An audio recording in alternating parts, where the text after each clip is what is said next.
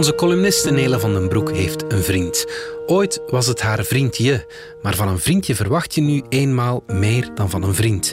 Of je denkt dat je meer moet verwachten en dan merk je zijn vuile nagels of dat hij zijn tanden in de afwasbak poetst. En dan wil je hem veranderen. En dan, ach, u weet hoe het eindigt. Swat, over wat liefde is, daar gaan we het nu even over hebben.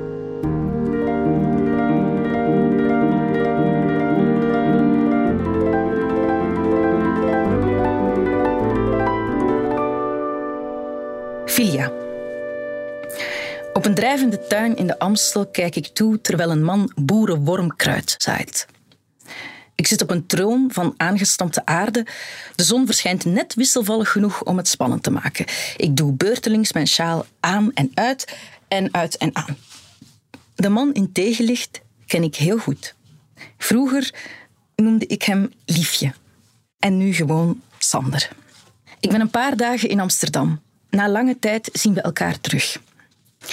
Op een eiland in de Amstel met mijn ex. Zou een liedje kunnen zijn. Of een rampenfilm.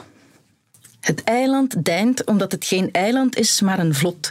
Door mensen gemaakt en van planten voorzien tot het een stuk natuur werd. Alles wordt uiteindelijk een stuk natuur, als je maar lang genoeg wacht. Al twee jaar lang bellen Sander en ik elkaar iedere dag. We zingen liedjes aan de telefoon en doen onnozel tijdens de afwas. Vaak zwijgen we ook simpelweg. Soms kijken we een film, samen op 200 kilometer afstand. Aftellen en gelijktijdig op de startknop duwen. Commentaar geven via WhatsApp. Vragen of hij ook een chipje wil en dat is dan een mopje.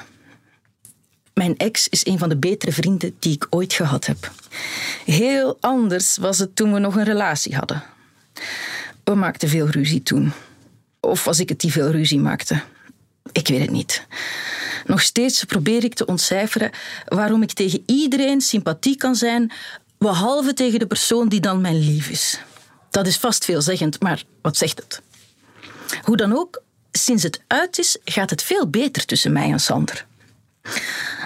Op Netflix was ik Bridgerton beginnen kijken. Na drie afleveringen gaf ik het op.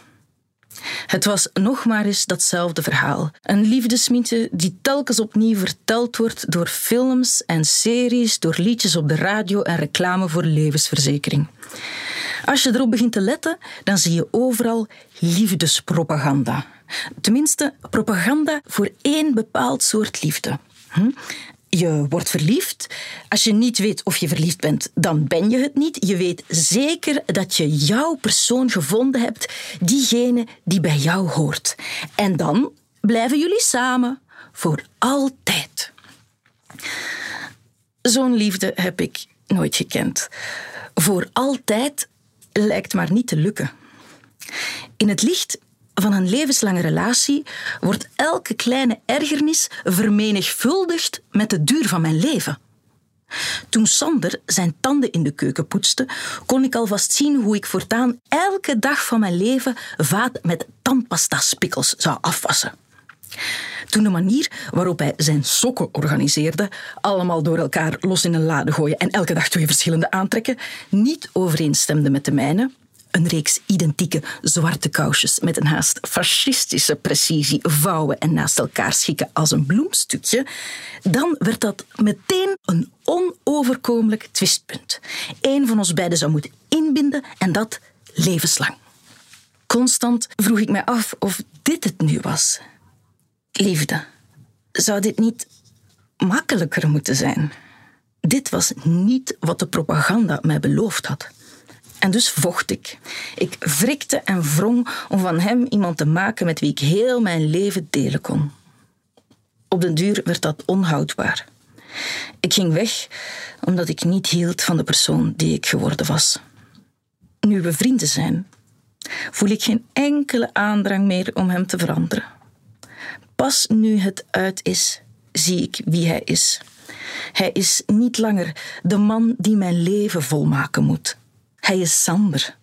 En dat is veel beter. Zijn waterfiets lekt, zijn kleren zijn versleten, hij heeft altijd randjes inkt of grond onder zijn nagels. En dat is prachtig. Vriendschap is de hoogste vorm van vrede. boerenwormkruid is een overblijvende plant. Wat wil zeggen dat het meerdere keren bloeien kan. Niet te verwarren met meerjarige planten die verscheidene jaren doen over hun ontwikkeling, maar aan het einde daarvan slechts eenmaal floreren. Sander maakt kleine putjes in de aarde en legt daar zorgvuldig wat zaad in. Geen idee of het groeien gaat, zegt hij. We kunnen maar proberen. Deinend op de Amstel besef ik dat liefde vele vormen kent en dat dit liefde is.